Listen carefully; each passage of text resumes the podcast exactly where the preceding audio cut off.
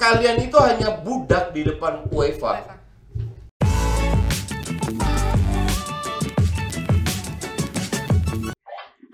semuanya, welcome back. Selamat datang lagi di M Podcast bareng Natasha Germania. Oke, mungkin kalau teman-teman udah ada yang menyaksikan M Podcast kemarin tuh ya, waktu episode perdana kita. Nah, sekarang kita hadir lagi. Sekarang bintang tamunya of course berbeda. Ini adalah salah satu bintang tamu yang pastinya kalau misalkan kalian sering nonton YouTube ya, wah udah nggak asing lagi ya. Terutama YouTube-nya ada yang baru masuk trending. Senyum-senyum lagi ya bintang tamu kita.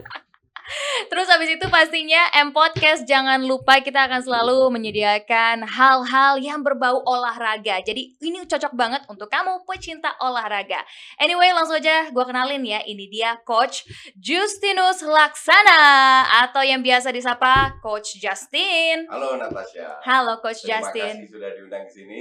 Tentunya dong, karena Kita kan bahas hal-hal yang anti mainstream, anti mainstream betul banget. yang kardus-kardus biar mereka aja. Wow.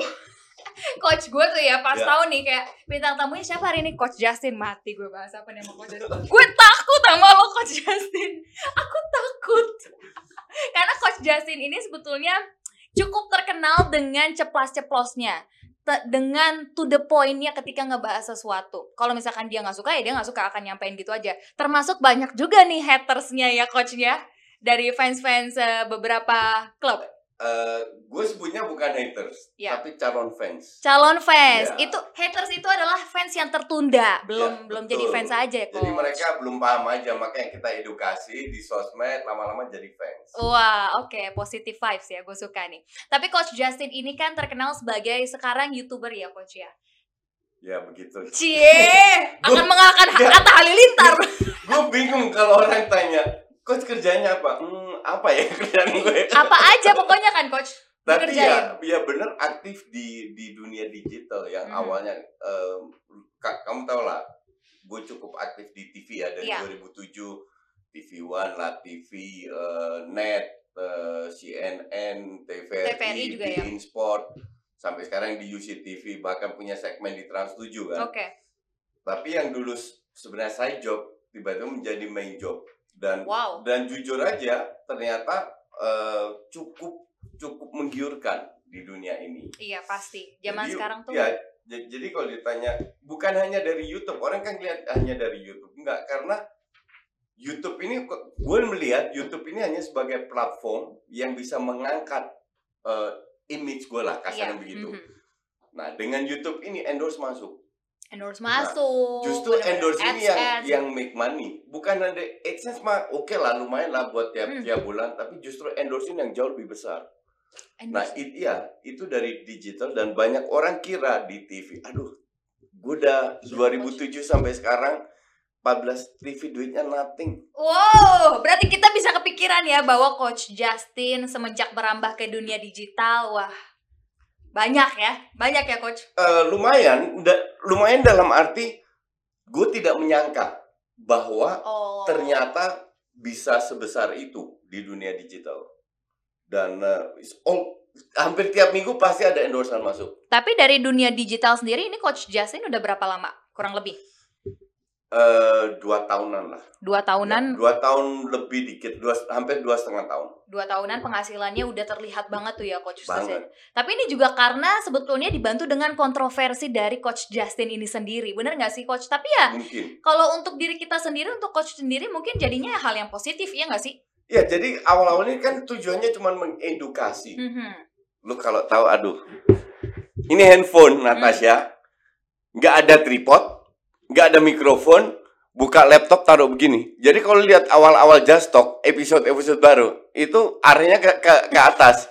Sampai setelah berapa bulan, oke beli tripod berapa? Pego, oke Pego masih oke lah. Beli Eh, beli awal-awal tripod kan. ya awal-awal baru, baru tripod beli mikrofon berapa duit gocap oke sampai ada yang tanya coach mikrofonnya bagus mereknya apa gue lihat kagak ada mereknya ini beli online Pokoknya murah aja dah Iya, cari. iya jadi jadi yang awalnya iseng untuk mengedukasi tiba-tiba eh, mulai kerasa kan duitnya Iya. dari AdSense Hmm. tiba-tiba endorse masuk tambah banyak tambah wah gue harus beli profesional sekarang beli mic yang gopean Oh, beli oke. beli apa namanya eh, tripod yang yang se- sejutaan lah dan tapi background tetap sama dan nggak banyak edit cuman sekarang gue kasih subtitle untuk Oke. tunarunggu Oh, atau untuk orang yang di kereta yang- iya Oke. jadi nggak nggak banyak editan dan lain dan gue nggak mau juga nggak mau musik nggak mau apa. Oke, emang pure hanya untuk edukasi yang ya ngobrol aja ibaratnya ya kok. iya memberi info aja lu boleh suka nggak suka itu hak lu. Tapi Benar. this is my right Seperti yang yang kamu tadi bilang. Ya gue ngomong apa adanya. Gue berapa kali meeting sama menteri-menteri sama Pak Prabowo dan lain-lain ya gue ngomong kayak begini. Nggak ada gue tahan-tahan. Bahkan meeting sama Prabowo gue ajak bahasa Belanda dan dijawab juga Oh, beliau bisa jago bahasa Oh, Belandanya ya? beliau itu pintar hebat I know, hmm, he's dan smart. ya ya he's, he's very smart dan yang lain juga cuma ngeliatin gitu jadi this is me gue meeting dengan dua menteri olahraga yang berbeda ya gue ngomong begini aja Iya. Emang it's you ya coach It's ya? me. Ya orang mau terima apa enggak, it's exactly it's not your problem. ya ya ya Ya kan? Anyway, coach, gue juga mau kasih tahu nih bahwa teman-teman ternyata em, dunia digital itu luas ya, besar ya coach ya. Banget. Besar tuh dari segi apa pun bisa dilakukan, dari segi penghasilan pun juga. Tapi coach, aku tuh penasaran deh. Kalau tadi coach udah sempat mention coach udah pernah em, tampil di berbagai TV nasional. Nah, itu Ya. berapa tahun coach dari 2007, 2007 sampai, sekarang sebenarnya sampai sekarang juga masih aktif Ya. ya? tahun tahun Hmm. lalu itu kan masih ada Liga Inggris di TVRI Iya. itu gue eh, di sana sebelumnya dua tahun di Bein Sport eh, itu juga Liga Inggris sama se- eh, Liga se- Serie A nah tahun ini cuman di UCTV UCTV cuman punya Coppa Italia kan sama tak mulai tahun ini dari Januari dapat segmen di di Trans 7 Mhm. jadi ya mengalir aja Natasha. Oke. Oke, apa yang dapat kalau gue bisa kerjain ya gue jalanin. Kalau gue nggak suka ya enggak. Dan dan sekali sekali dua minggu sekali itu di eh, Metro Metro Sport Metro Jumat Sport. ya. Terus di DPI tiga kali seminggu. Tapi itu YouTube juga kan. Oke. Jadi ya gitu lah. Oke. Jadi sebetulnya perjalanan panjang itu ya akhirnya bisa membuat coach ini ngelotok banget soal sepak bola, menjadi pengamat sepak bola yang terkenal di Indonesia. Terkenal sih nggak tahu ya. merendah tapi- nih, merendah nih, merendah. Enggak, tapi seperti yang kamu kamu bilang banyak banyak calon fans dan fans. Banyak calon fans benar. But that's okay, nggak ada masalah. Cuman Iyalah, itu kan yang bikin endorse tetap jalan kan? ya betul. Cuman yang jadi masalah netizen di kita itu nggak bisa terima pendapat berbeda. Ih, kenapa ya coach ya? Dan- tersinggungan, tersinggungan Iya, ya. dan kalau lawan bicara gue orang yang selevel Gita Suwondo punya uh, Wawasan. pendapat berbeda nggak ada masalah. Ini bocah kemarin sore umur ma- masih apa di diketekin sama maknya, sok-sok mau ngajarin gue bola gitu. I mean that's why gue blok blokin. Oh, itu Kan- kan- kan banyak gue tuh yang bilang katanya blok-blokin. Iya oh, kan? suka ngeblok-blokin penggemar-penggemar Iya, klub nah lain. kalau orang kalau orang kan kalau lu baca di Twitter kan kasih giveaway Iya. duit pulsa untuk dapat followers yang penting follow. Kalau gue enggak, kalau gue eh yang gue blok sepuluh ribu gue kasih giveaway. Gimana? Jadi yang gue blok gue kumpulin yang ngeblok bukan kumpulin followers. Karena that is untuk gue sih lucu aja gitu loh. Lu dipaksa follow hanya karena duit, iya. karena giveaway. Iya, iya. I don't do that. Dan dan kelihatan juga kalau kita lihat di YouTube gue itu 230 ribu Apa 230 ribu eh, subscriber Oke. ya, oke? Tapi video gue itu konsisten dari 70 sampai 150 lah, sekali-sekali 200, 300, tapi itu konsisten. Kalau lu lihat youtuber lain yang yang subscribernya 700 ribu Oke. sudah lihat videonya ya cuman 2000, 3000.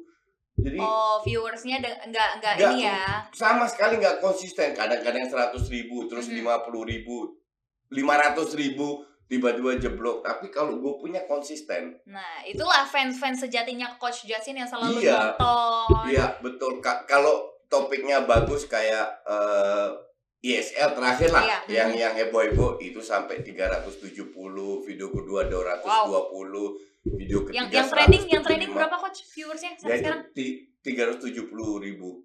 Cuma nah kalau orang bilang haters banyak banyak itu parameternya apa sih? Nggak ada kan? Nah gue cek di semua YouTube gue kita lihat like and dislike oke Oke, itu comparison ya. ya komparisinya yang dislike itu nggak pernah lebih dari 5% jadi antara 2 sampai 5% cuman 25% ini keluar-keluarnya ba- Bukan bacotnya main. gede. Jadi kelihatan haters gue banyak, padahal haters gue nggak banyak. Iya. Fans gue lebih banyak. Paham. Karena mungkin bisa aja 98%. satu orang, satu orang komen dislike terus habis itu komen-komen untuk nge-head speech-nya lebih banyak Iya. gitu ya. Dan kalau gue blok bikin akun baru, kelihatan follower cuma satu. itu kan ya elah kayak gini. Tapi that's that's funnya lah. Kikit gue sih ngeliat dari sisi funnya dalam arti Iya lah, benar. masih banyak orang yang appreciate apa yang gue katakan. Benar. Ya elah cuman handphone doang Natasha, background itu-itu aja, nggak ada edit-edit. Mhm. Tapi they follow me gitu loh. Dan Iya, ini kan meningkat terus. Ya, kita lihat trennya kan. Trennya subscriber meningkat, eh, viewers meningkat Mhm. dan it's okay lah. Artinya selama gue di appreciate, ya gue akan menjalankan ini. Oke. Gitu. Tapi seru coach, seru banget ngeliat kayak gini tuh dan juga maksudnya em, berbagai komentator pasti punya pandangan yang berbeda. Nah, Betul. salah satunya gue menantikan dari coach Justin yang sebetulnya belak-belakan kalau ngomong. Menurut gue lebih rasional coach kalau misalkan lo komen sesuatu tentang eh, pertandingan kah atau tentang FIFA waktu itu sempat juga kan Gue sih ya. ngomong apa adanya ya. Mau mau apa pun FIFA, mau menteri, mau pemerintah, mau apa, gue ngomong apa adanya. Cuman kalau soal agama gue angkat tangan. Iya, waduh. Gue nggak berani. Gue juga gak berani coach. Udah deh kalau Iya. deh. Sepak bola, Ba- olahraga iya, aja ya. Ka- Kalau sepak bola, bahkan politik pun gue nggak berani. Tapi murni kesel. Kalau sepak bola gue ngomong apa adanya. Oke. Ngomong apa adanya dan gue masih inget minggu lalu Mhm. di interview sama Helmi Yahya Ah, Interview apa nih? eh, YouTube di, Oke. di di YouTube dia bahas ESL juga. Dia tanya, coach, lu itu emang sengaja ya cari musuh atau bikin apa? Gue bilang enggak. Kalau gue sengaja punya pendapat yang berbeda, artinya gue harus pikirin Iya. Alasannya apa aja? Iya. Konsep-konsepnya apa. Kalau orang tanya apa bagaimana, ini enggak, enggak pernah gue pikirin. Semua kayak sekarang lah. Emang gue prepare, emang gue di brief mau bahas apa. Iya loh, sama Kan enggak, sekali kan? enggak loh. Gue bahkan iya. question listnya Ya, pun juga sama sekali ya. enggak. Dan biasanya begitu. Gue siaran di DPI. Emang lu pikir gue baca rundown? Enggak pernah. Semua produser tahu. Gue nggak pernah baca rundown. Kenapa? Kalau gue baca rundown, seolah-olah gue diatur oh, lah. Diatur ya. Gue harus freestyle. Di net nggak pernah gue baca rundown. Gue freestyle. Kenapa? Apa kalau nggak perlu? Nggak. Karena gue setiap hari gue belajar. Setiap hari gue baca 5, 6, 7 media. Nggak ada pertandingan. Gue baca terus. Jadi semua ilmu atau perkembangan yang updated, gue sudah terupdate. Jadi kalau mendadak besok ada telepon, coach lu harus siaran di sini. Oke, gue datang tanpa harus Mhm, belajar-belajar mhm, lagi. mhm. Gitu. Oke. Coach, tapi kan coach ini pernah tinggal di Belanda waktu itu ya? 20 tahun. 20 tahun tinggal di 79 berarti sampai 99 kamu Eh, belum lahir. belum. Emang berarti ini coach umurnya berapa nih? 20 tahun di Belanda. Enggak. Gue tahun ini 54. No way. Serius. No way. Serius. Serius 54. Jadi Coach, you can be my loh. kid. Iya iya iya, that's true, that's true. Nyokap gue kayak 51 deh. Nah, Hai mau. Coach, ya ampun. Gue 53, Juli ini 54. Tapi lo gak kelihatan 54, coach. Enggak dong kan. Jiwanya, Jiwanya yang muda. penting. Apalagi kalau misalkan orang ya suka dan cinta olahraga, apalagi main-main bola kan, coach? Masih. Masih main bola tuh. Biasanya kelihatannya justru lebih muda daripada fisiknya nggak tahu ya rata-rata menurut gue. Anyway, 20 tahun di Belanda. Berarti kan itu kali ya coach yang membuat lo tuh berbeda dengan yang lain. I mean, lo tuh punya em, lo gue lagi sorry ya coach. Eh, Gak apa-apa, gue santai tahu umurnya coach Justin 50. Santai, santai. Ya gini gini Pak, Pak coach. tahu berarti em, coach Justin ini udah tinggal di Belanda selama puluhan tahun. Berarti kan much more open minded. Ya nggak sih coach? Itu Jadi yang gini, bikin lo- gini. Bentar, sorry, gue potong. Oke. Jadi kalau lu tinggal dua, jangan lihat 20 tahunnya, tapi lihat masanya. Lu Oke. tinggal 20 tahun di usia 20 sampai 40, artinya eh, berbeda dengan lu tinggal di Belanda di umur 10 sampai 30 tahun. Kenapa? Karena umur 10 kan lu masih berkembang. Dan gue Oke. ke sana umur 12. Jadi di masa-masa berkembang. SD sempat setahun di Belanda, habis SMP kerja, kuliah, dan lain-lain. Mhm, mhm. Kalau lu hanya kuliah di situ, pemikiran lu kan udah Indonesia, dibentuknya di sini. Lu Betul. ke sana untuk kuliah. Nah, jadi bukan parameternya bukan hanya 20 tahun, tapi di masa pada saat gue kecil. Jadi lu benar pemikiran gue sudah kayak orang Belanda. Udah kebentuk ya. Sudah kebentuk dan gue berpikir dan gue lebih nyaman itu dan bahasa utama pertama gue itu bahasa Belanda, Coba kita bukan tes. bahasa Indonesia. Coba kita tes. Oke. Perkenalan diri, terus profesinya apa? Oké, ik zal me voorstellen, eh, ik ben Justin, ben hier uitgenodigd om eh programma te doen over eh, voetbal. Wow, keren banget coach. Ya, bagi yang nggak ngerti nanti editor tolong ya kasih subtitle nih, biarin editornya biar lebih kerja lagi coach. Dan coach Justin ini selama di Belanda menggemari salah satu klub asal Belanda juga ya, Utrecht ya coach ya? Ya, Utrecht. FC Utrecht. FC Utrecht. Ya. Itu coach waktu dari umur 12 tahun memang sudah menggemari sepak bola coach. Iya, ya. Ba- bahkan di Indonesia sempat juga udah suka sepak bola. Karena ini ada untungnya juga Natasha. Apa tuh? Lu sebagai non white, non kulit putih, Yes. lu masuk ke negara kulit putih di mana lu tidak bisa bahasa Indonesia, ti- tidak bisa bahasa Belanda. Lu langsung ke sekolah, isinya kulit putih semua. How do you feel? Pasti lu agak sedikit dikucilkan kan? Iya, iya. Secara bukan didiskriminasi, Pak, pasti eh, di, You are different because Ya. kamu berbeda dari yang lain. di seluruh dunia namanya anak-anak pasti ngebully. Iya. Ya kan? Di seluruh dunia itu. Nah, gue untungnya satu. Gue bisa main bola. Itu bener-bener ngebantu banget. Karena gue bisa main bola. Gue gampang dapet temen. Jadi yang menyatukan coach dengan orang-orang lain yang orang Belanda itu, Itu sepak main bola. bola. Iya. Jadi di SD gue itu kan ada lapangan kecil lah. Itu sekolah di Belanda itu jam 9 sampai jam 3 SD Oke. ya. Mhm. Jadi jam 9 sampai jam 12 kita pulang dulu karena rumahnya deket semua. Pulang makan jam 1 balik lagi sampai Mhm. jam 3 selesai. Enak Itu nggak pulang. Itu main bola di di ya kita punya school, school plan. Itu apa namanya? halaman lah, halaman sekolah. Di situ main bola. Nah, di situ kita dapat teman-teman. Nah, setelah dapat teman-teman yang dari luar, bukan hanya dari sekolah itu, diajak ke SSB. Nah, gabunglah sama SSB. Nah, terus diajak nonton FC Utrecht dan lain-lain. Hmm. Di situlah lahirnya gue belajar sepak bola, belajar apa itu semua dari dari halaman sekolah itu. Oke. Awal itulah. asal usulnya di Hmm. situ. FC Utrecht itu adalah salah satu klub em, pertama yang coach gemari. Per- ya, betul. Terus Se- waktu itu sebenarnya the one and only itu FC the one and only. Ya. Emang kenapa coach? Kenapa memilih FC Utrecht? Kalau kita menyukai sebuah klub, itu kita nggak lihat hasil. Utrecht itu nggak pernah juara. Cuman sekali tahun tahun 70. Udah lama juga Iya. ya coach. Habis itu nggak nggak pernah nggak juara. juara-juara lagi. Ikut Eropa aja jarang. Tapi kalau kita suka sebuah klub itu ada hubungan emosional. Terakhir gue gue nonton Utrecht itu 2013 14 sama Stefano Lillipali. Oke, nontonnya Di- langsung. Di, Utrecht, ya. Wow. Jadi gue kenal Stefano di Utrecht, terus di, dikenal, terus ajak non- nonton. Itu terakhir. Nah, pada saat gue lihat stadionnya, it gives you kayak, kayak lu jatuh cinta. Kayak gue lihat ketemu Jennifer Aniston, Mhm. Ngerti nggak? Ah, contoh gue Dan- jadi ya. Dan dan apa namanya? Ki, ada Feelingnya. sebuah feeling yang nggak bisa dijelaskan. Karena kita dari kecil sudah di situ. Dari kecil sudah mendukung klub itu. It doesn't matter you win or lose. Tapi this is your club. This is your life. This is part of your life. Jadi tiap kali gue ke stadion, it gives you a different kayak kayak pertama kali jatuh cinta aja seperti itu. Orang nggak akan mengerti. Makanya kalau mereka bicara, gue kan suka Arsenal sama Barcelona juga. Ya oke, but kalau kita ada my club itu cuma satu sebenarnya. FC FC Utrecht. Jadi sebetulnya kalau nonton FC Utrecht atau misalkan dibilang coach ini cinta banget sama FC Utrecht itu karena menyangkut childhood ya coach. Iya, Menyangkut betul. kehidupan Iya. coach Justin selama waktu itu juga tinggal di Belanda. Iya. I see. Tapi kalau untuk permainannya sendiri gimana coach? Kualitas pemainnya? Dananya sesimpel itu. But it doesn't matter. Utrecht itu terkenal bukan masa menang kalah, Oke. tapi at least you fight. Mental orang Utrecht itu you fight till you die.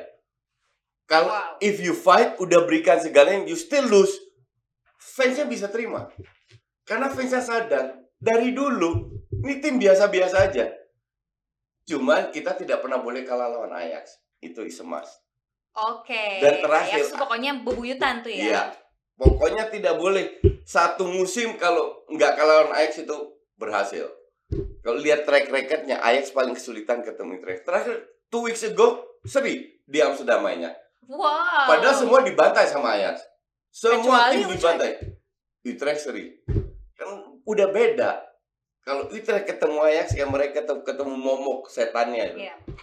Gitu. Wow. Jadi kalau misalkan ada definisi fans sejati, this is it. Fans sejati, coach dan juga FC Utrecht. It doesn't matter, bukan masa menang kalah. Utrecht mau degradasi pun mayat still dengan FC Utrecht. Ah, that's nice. Kapan ada rencana lagi coach untuk nonton langsung Utrecht di sana? Di Belanda. Ehm, nyokap gue masih tinggal di Belanda Oke, jadi keluarga di Utrecht. Gue itu keluarga kecil, gue berdua. Adik gue tinggal di Thailand. Masih sampai sekarang. Sampai Keluarga. sekarang udah 14 tahun. Gue tinggal di Indonesia. Nyokap gue tinggal di Belanda. Apa ya? Jadi ketemunya susah.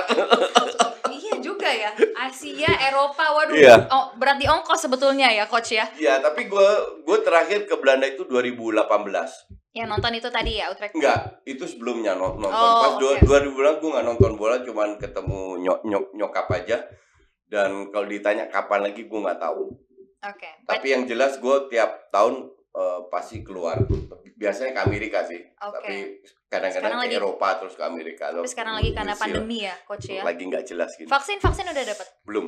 Belum ya? Iya Belum. juga harus. Ntar Supaya eh, bisa keluar negeri, Coach. Iya, supaya bisa keluar negeri betul. Iya kan. Yang penting ke Singapura dulu lah. Itu aja resenya minta ampun. ya. Untuk ini penat. iya, Cuma iya, maksudnya iya. jangan menjadikan ini akhirnya kayak motivasi pengennya keluar negeri keluar negeri. Enggak karena eh, kebetulan suami gue WNA coach. Jadi maksudnya karena kita ada jadwal juga schedule tiap tahun pulang untuk Pasti. melihat orang tuanya yang Iya, memang iya, iya. dia juga anak tunggal gitu loh. Pasti. Jadi ada purpose tersendiri. Anyway, coach, tinggal di Belanda udah lama. Orang tua juga masih ada di Belanda. Apa yang memutuskan lo akhirnya pulang ke Indonesia? Ini per- pertanyaan yang jarang gue dengar. Jadi gini, gue itu karena dari kecil, gue itu ibarat kalau dari sisi skill, dari sisi bahasa itu selevel dengan orang Bel- Belanda. Bahkan dari sisi grammar mungkin lebih bagus daripada average orang Belanda. Wow. Artinya, gue gampang dapat kerjaan. Iya dong, harusnya Oke? kayak gitu. Iya kan? Gue dapat dapat kerjaan. Nah, gue belum nikah waktu itu, belum punya anak. Artinya apa? Gue bayar pajak 50%. 50-60%. Hmm. Oke? Gede banget kan? Orang bilang, oh lu dapat segala fasilitas asuransi. Gue nggak pernah sakit. Gue nggak pakai fasilitas-fasilitas itu. Terus gue pikir, kalau gue di sini terus, oke I make money, but I'm not happy. Gue harus pindah, gue harus balik ke Indonesia, eh, di mana tantangan itu lebih besar. Karena di sini lu bisa banyak kerjaan yang lu delegasikan. Oke. Contoh, kerjaan rumah tangga, ada asisten rumah tangga, lu Mhm. bisa hire dengan tuh nyetir, ada supir. Walaupun gue nggak punya asisten rumah tangga dan nggak punya supir, semua gue kerja, ke- kerja sendiri. Tapi untuk mengurus-ngurus hal izin lah apa, itu bisa kita delegasikan. Kita bisa fokus. Kalau di sana kan enggak. Kedua, di sini pajak relatif jauh lebih rendah Iya, daripada benar, sana. benar banget. Oke. Ketiga, makanan lu bisa makan yang paling murah sampai Murah, makan hmm. yang paling mahal. Iya benar. Jadi banyak faktor yang membuat gue karena gue belum nikah, belum punya anak, gue pikir, eh kenapa gue nggak coba di Indonesia?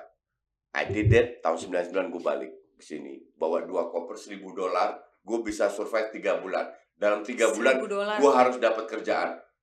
Gue gak punya keluarga, keluarga gue di Surabaya, gue kan lahir di Surabaya. Berarti ini di Jakarta nih sendiri waktu itu coach pas Waktu pulang. itu ada sepupu doang, satu di Kelapa Gading, tapi gue orangnya nggak mau tergantung sama orang. Iya, nggak mau ngeributin Ya, orang ya. ja- Jadi sempet nginep di sana ber- eh, se- sebulan kalau nggak salah.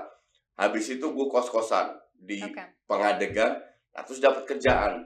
Kerjanya di Kerawang, Apa pekerjaan pertama coach Justin? di Sinarmas, di PT Pindo Deli, itu pabrik kertas. wow. nah kebetulan mereka cari eh, apa namanya sales manager buat Eropa, Eropa. Barat. Wow, related Bukan- tuh ya. iya. Jadi untuk gue, wah cocok banget. Yes. dan kerjaan gue di sana emang banyak sales jadi masuklah satu setengah tahun akhirnya gue pikir gue masih inget tahun 99 gaji gue empat setengah juta Empat setengah juta udah gede dong coach. gede mobil itu 99? 50 juta harganya waktu itu Wow. mobil 50 Wow. juta tapi gue pikir 40 setengah juta savingnya juga cuman gopek sejuta kadang-kadang nggak saving kapan gue beli mobil ya kalau begini terus ya kan simple itu Tapi emang banyak pengeluarannya di mana saat itu? Foya-foya kah? ya salah satu itu Sa- salah satu itu jadi Gaji gede, baru pulang dari luar negeri. Iya, dan sa- salah satu ya gue menikmati lah kasarnya Oke, iya, karena gue belum nikah belum punya anak. Oh, kan. iya, oke, Jadi oke, gue menikmati. Bisa dimengerti. Tapi gue pikir gue nggak bisa kayak begini. Akhirnya satu setengah tahun gue keluar, gue usaha sendiri. Nah baru baru ya minimal mobil masih kebeli lah Asik, oke. yang lain masih eh, ke kebeli lah dalam arti ya gue nggak mau tergantung sama orang dan gue nggak bisa gue kerja sama orang ribut terus sama atasan gue Berarti either lo harus jadi bos di perusahaan sendiri atau ya sebetulnya jadi komentator. ya sih, atau Coach? jadi freelancer Atau jadi freelancer. gue punya berapa perusahaan dan lain dan dan seperti yang gue memang gue sadar bahwa gue ini aneh dalam arti orang tidak gampang untuk Match. terima match. Pemikiran gue yang selalu berbeda. Bukan sama sekali tidak di selama sekali tidak disengaja. Mhm. tapi memang gue begini orangnya. Emang gue punya pendapat yang berbeda. Dan pendapat berbeda itu bukan asal pengen different pengen apa Yeah, of enggak. course, enggak.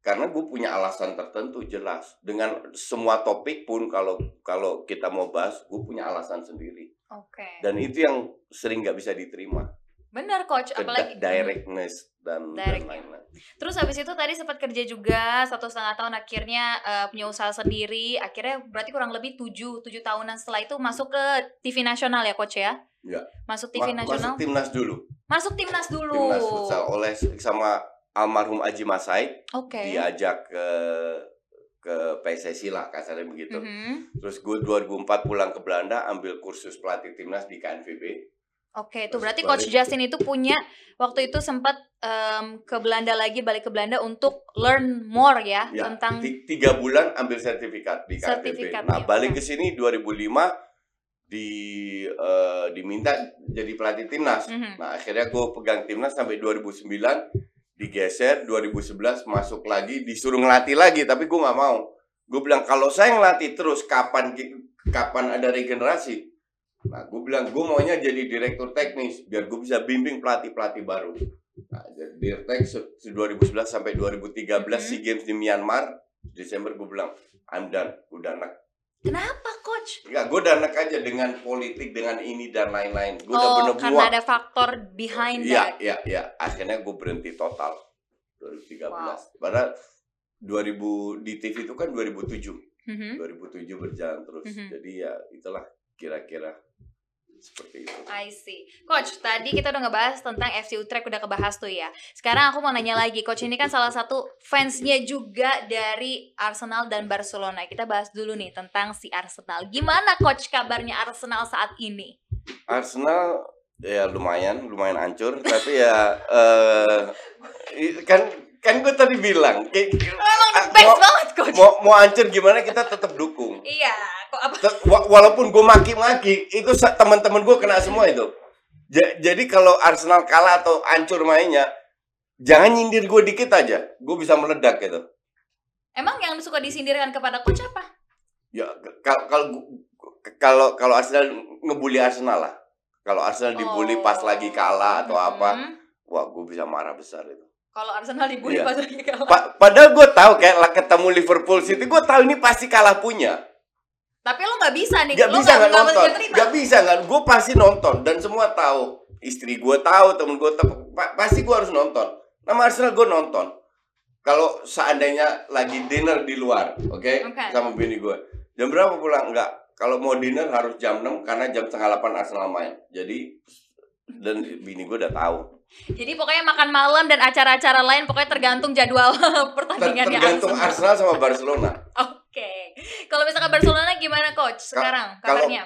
Barcelona is getting much better, much better semenjak Kuman masuk. eh, Awal-awal masih gonjang-ganjing, tapi tambah lama tambah jelas, pondasi jelas, arah jelas, permainan jelas, dan prestasi akan datang sendiri. Oke, jadi masuknya Kuman ke Barcelona justru ini it's a good news for Barcelona dan Definitely. sangat terlihat ya sekarang gimana progresnya uh, Barcelona sendiri. Ya. Anyway, kenapa coach? Tadi FC Utrecht kita udah bahas kenapa coach suka banget sama uh, FC Utrecht. Sekarang kita bahas kenapa coach suka banget sama Arsenal dan juga Barcelona. Oke, ada sejarahnya juga. Ini pertanyaan yang bagus.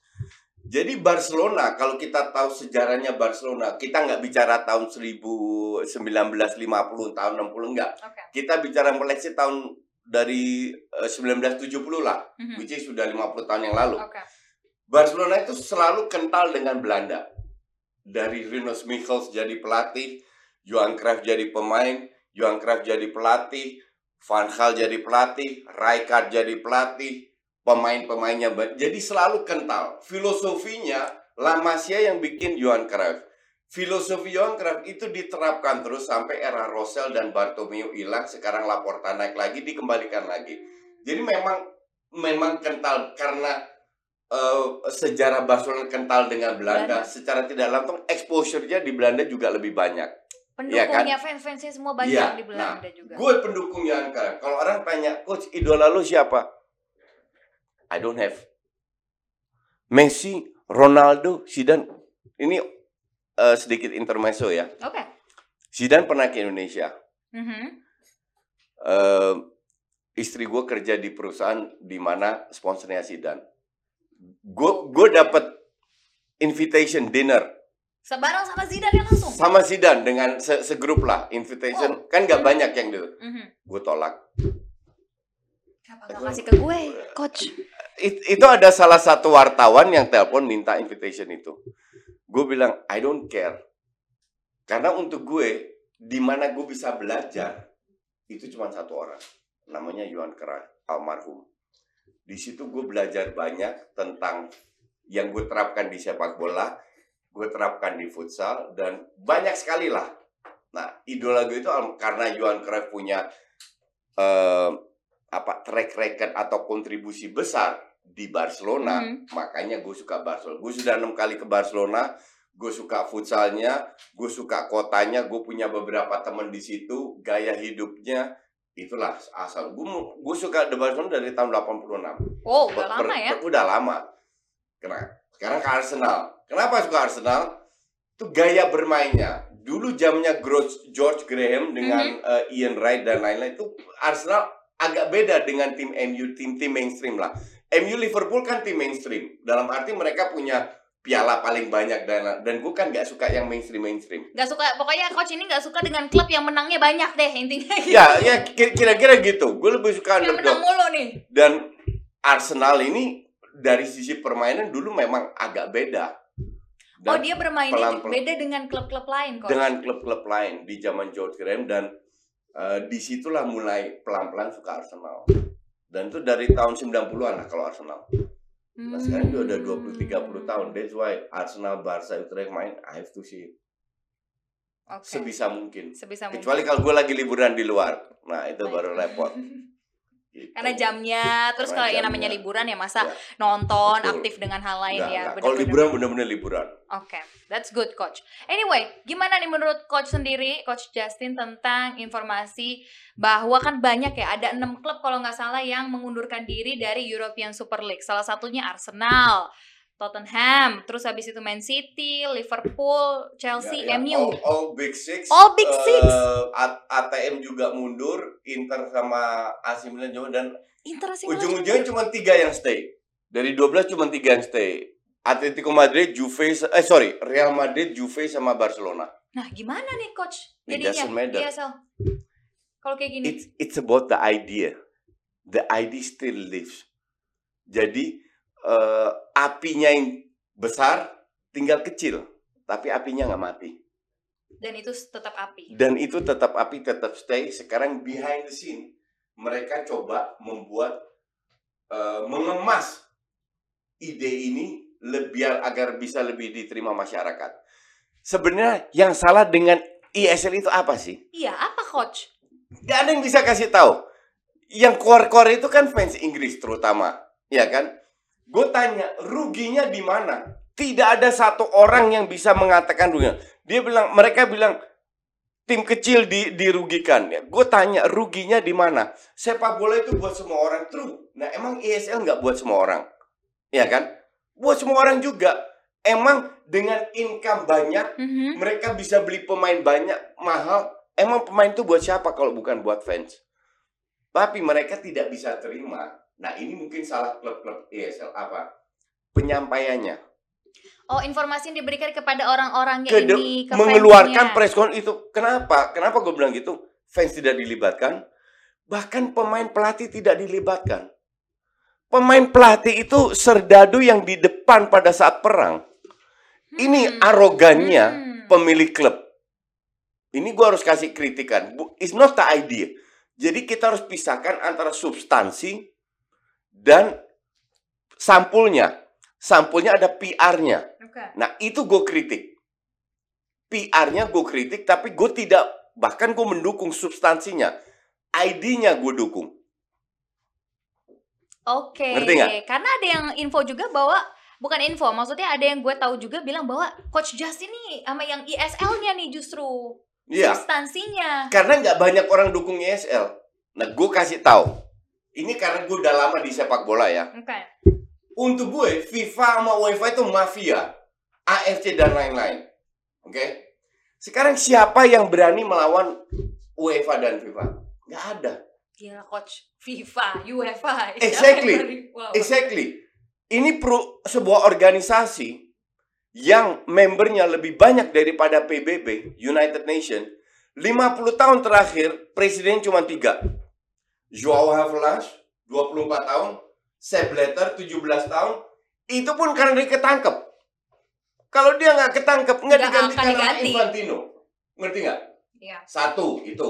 Oke?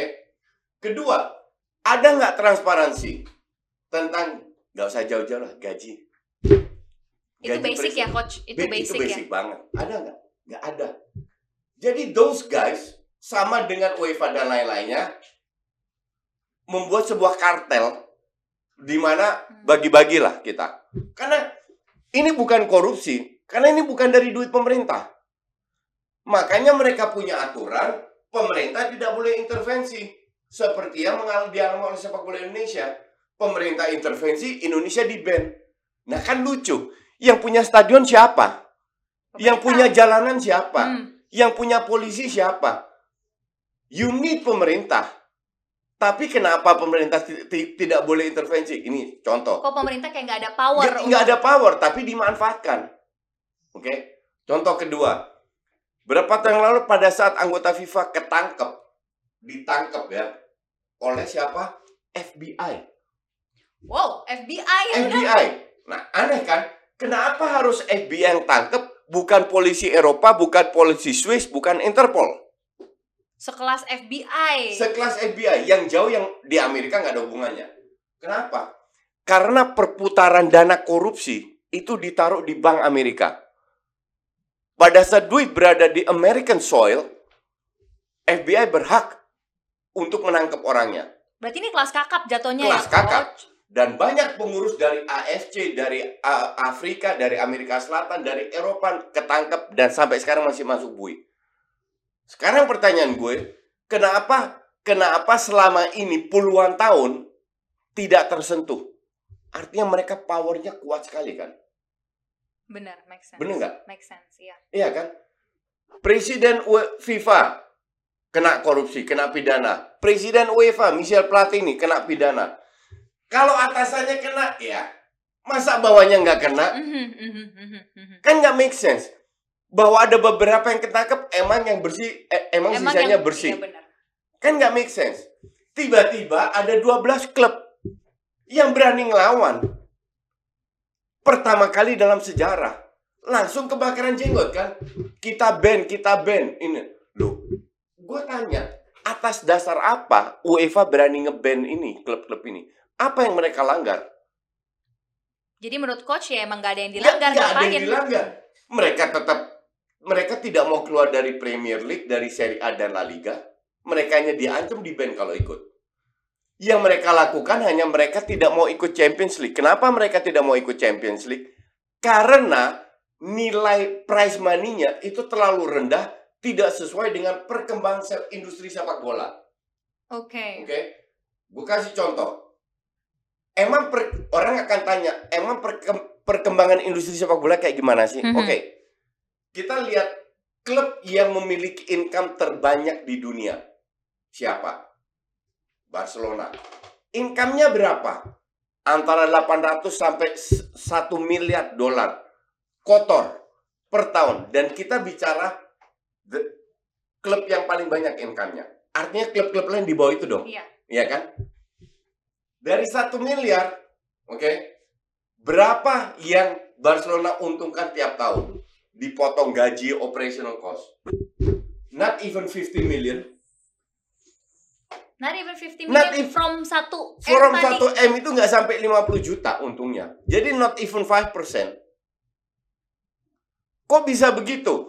Karena FIFA tidak memberikan regulasi terhadap industri ini. Dibiarin dilepas.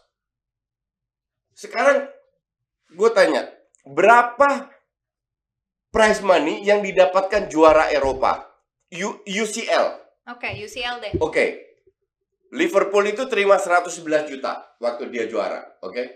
Real prize money itu cuma 85, tapi total-total dengan ini itu dan bonus dan let's say 100 juta. Oke. Let's say 100 juta. Berapa pemain lu bisa beli dengan 100 juta? Pemain Zaman sekarang mahal banget, coach. nothing. Zaman sekarang nothing. Oke. Jadi nggak make sense ya pendapatan Nggak make sense. Ya. Apa yang dilakukan oleh UEFA?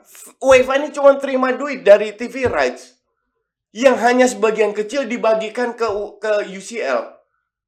Oke. Setelah gembar-gembor mereka mundur, baru ngoceh. Baru pemain Hmm, pelatih ngoceh. hmm. Nah, inilah kenapa gue dukung.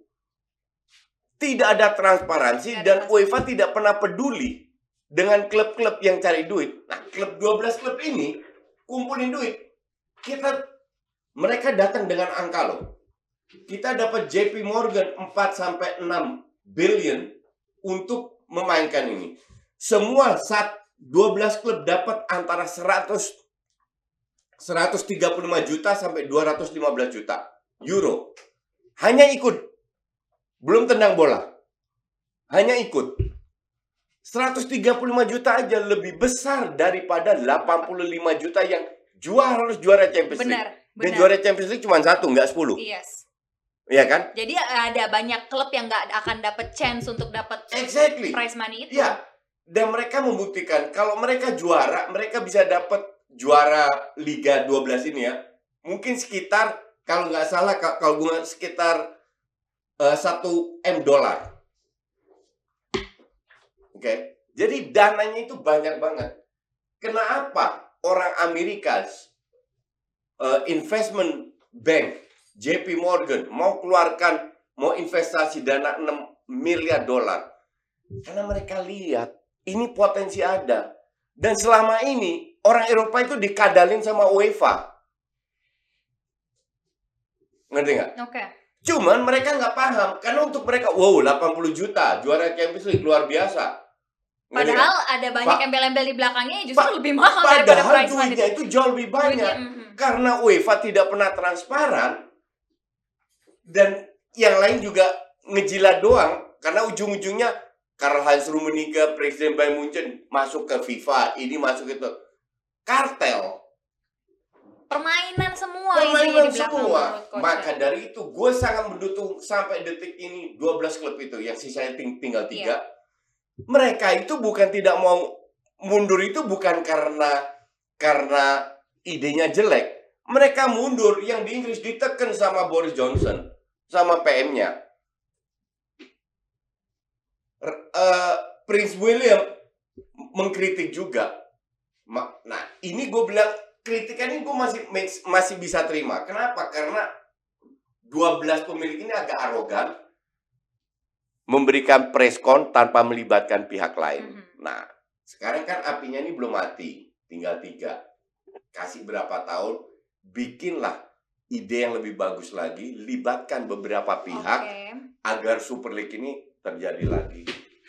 Itu ceritanya. Takut, mau nimpalin takut.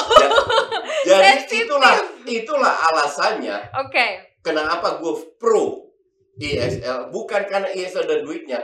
Justru karena ada karena- yang berani ngelawan UEFA dan membuka mata bahwa duit ini banyak.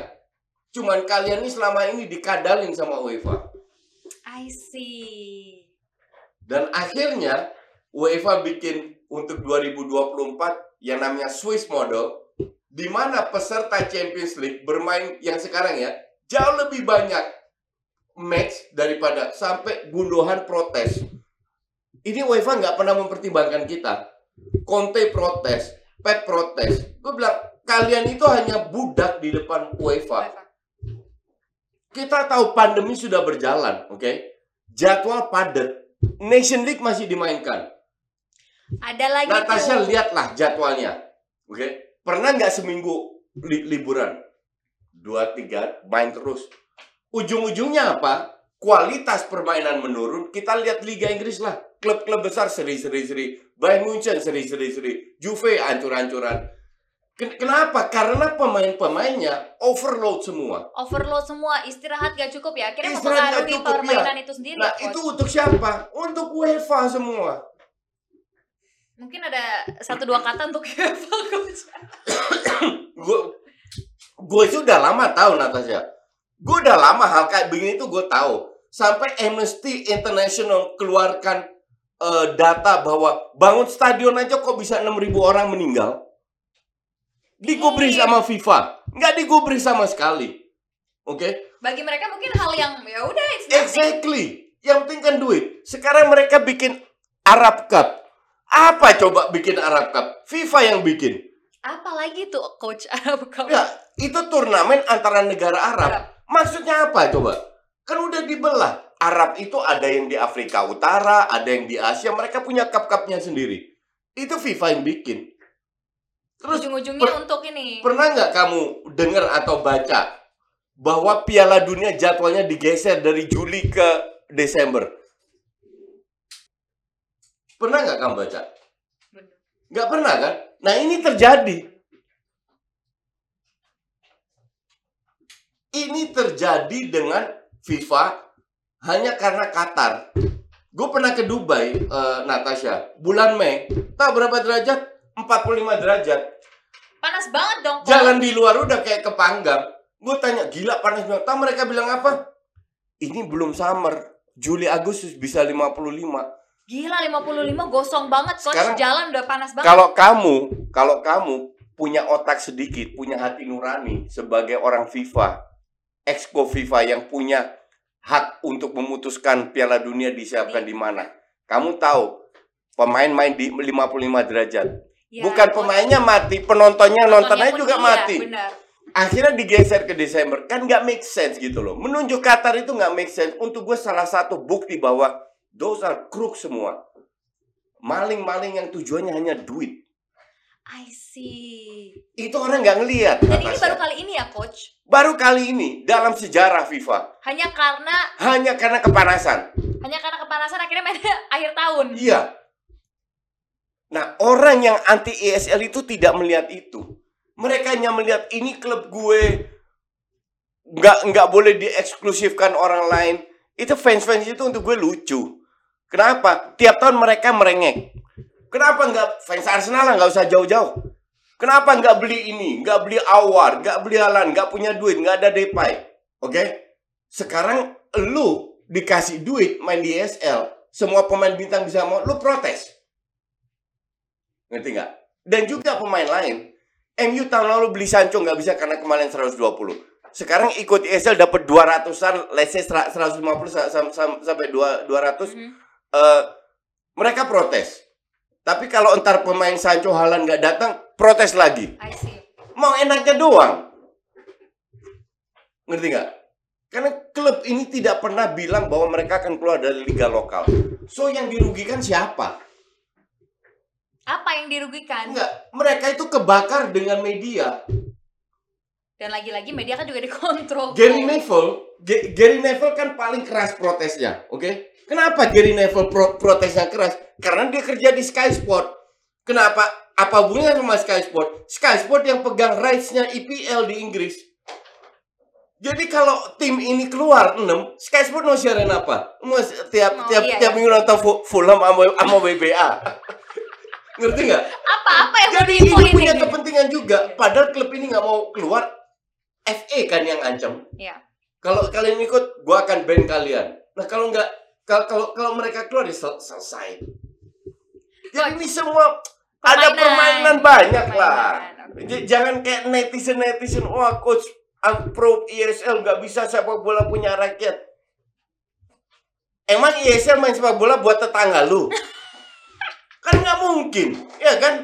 Ujungnya buat rakyat Iya, juga. iya benar-benar. Emang UEFA nggak, lu aja tolol di, dikadalin sama UEFA selama ini. Jadi sebetulnya kenapa Coach Justin ini banyak banget nih fans-fans yang belum jadi fans ya Coach ya? Calon karena fans. calon fans. Ini karena opininya Coach ini yang sebetulnya berbeda dari yang lain. So you know something behind that Coach. Ya. Yang sebetulnya you try coach ini mencoba untuk ngasih tahu but they don't want kayak ya udah. Iya.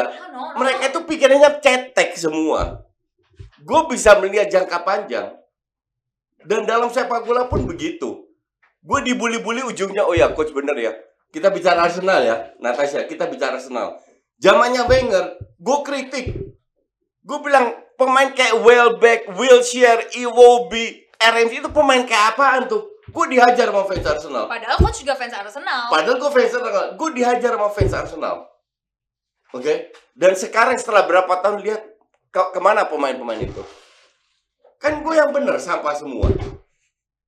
Coach, by the way nih si mantan pemainnya eh, Arsenal, Henry, dia juga berpendapat bahwa Arsenal itu melakukan kesalahan saat bergabung dengan ISL. Dan dia pun mengatakan bahwa nih Arsenal ini bukanlah Arsenal yang dikenal dulu. Ya, enggak. Henry terlalu naif kalau bilang begitu. Jadi gini, mungkin yang dimaksud Henry penyampaiannya, idenya, oke? Ide dari Ya, ISL-nya ya, balik tapi lagi. Henry pun juga sadar bahwa sepak bola zaman sekarang, oke punya Mhm. rakyat, gue masih bisa terima statement itu.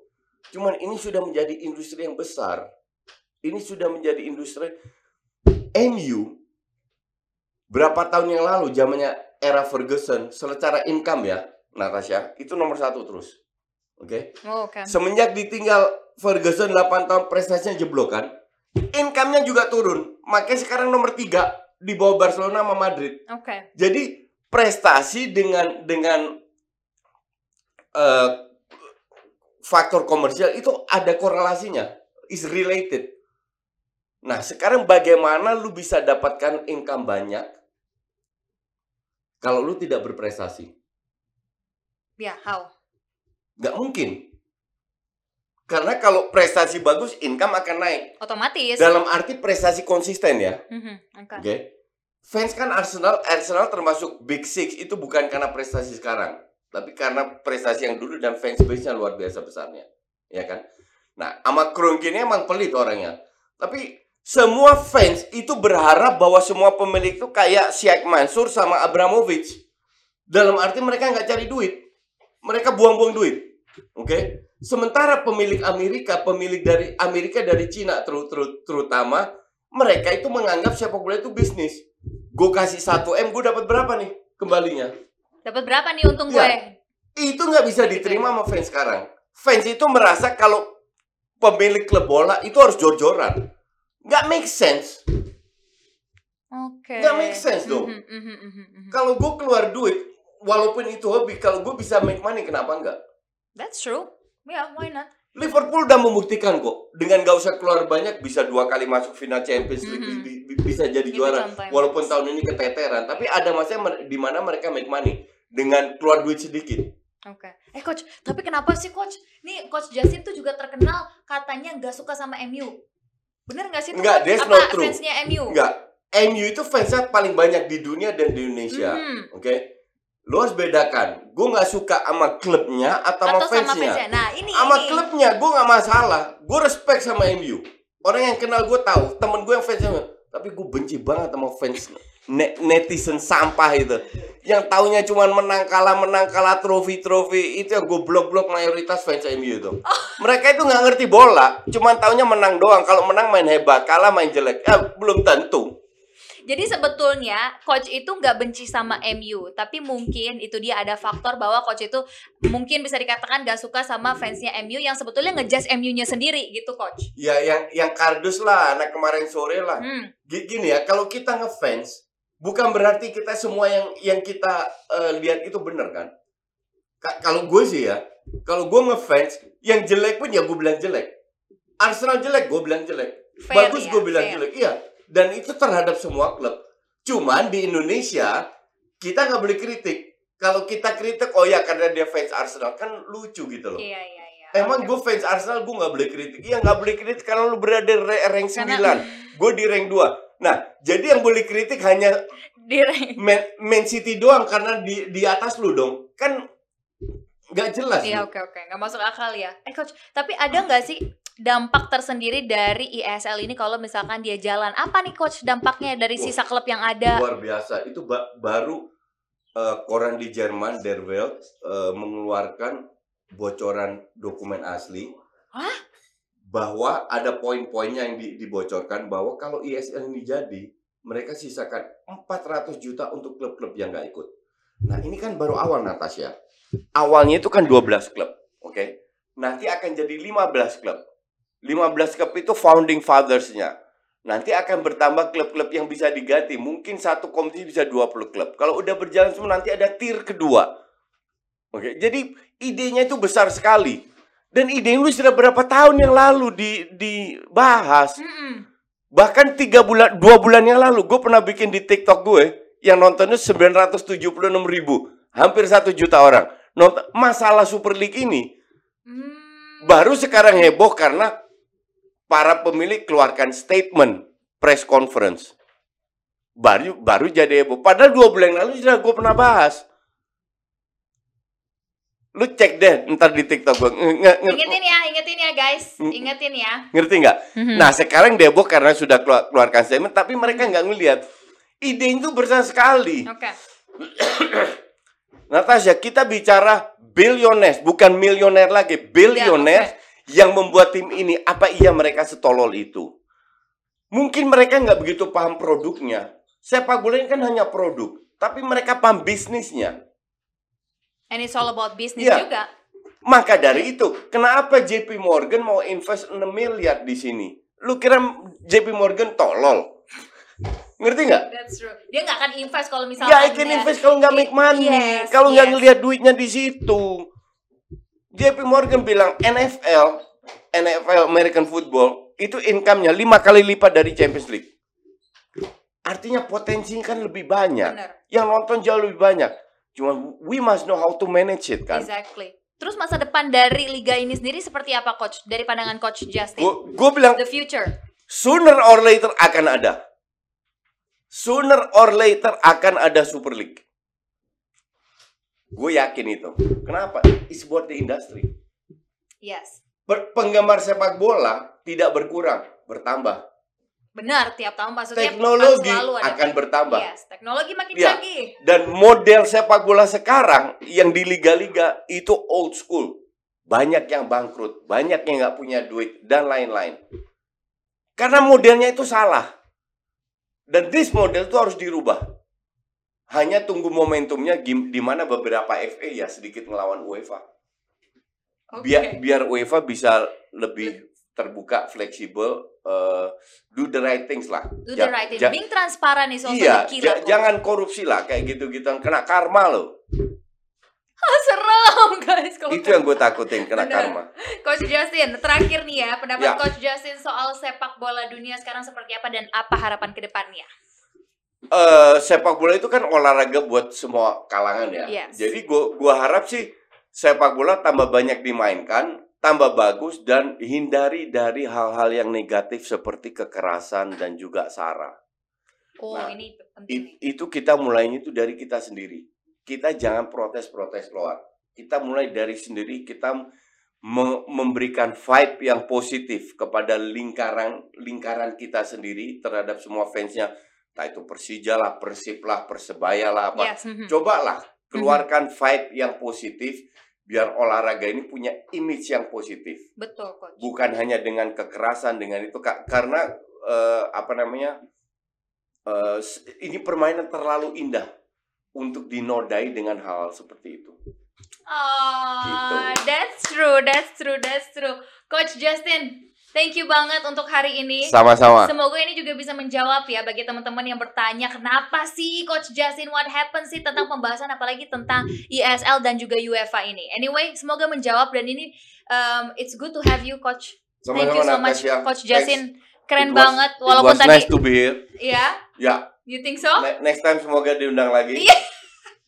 Tuh Tapi kan? mungkin topiknya beda. Benar. Topiknya nanti lebih ringan ya Coach ya. Kalau ini kan ringan. kita sedikit mengklarifikasi ya. Atau lebih detail juga bisa. Oke. Lebih spesifik. Ah takut.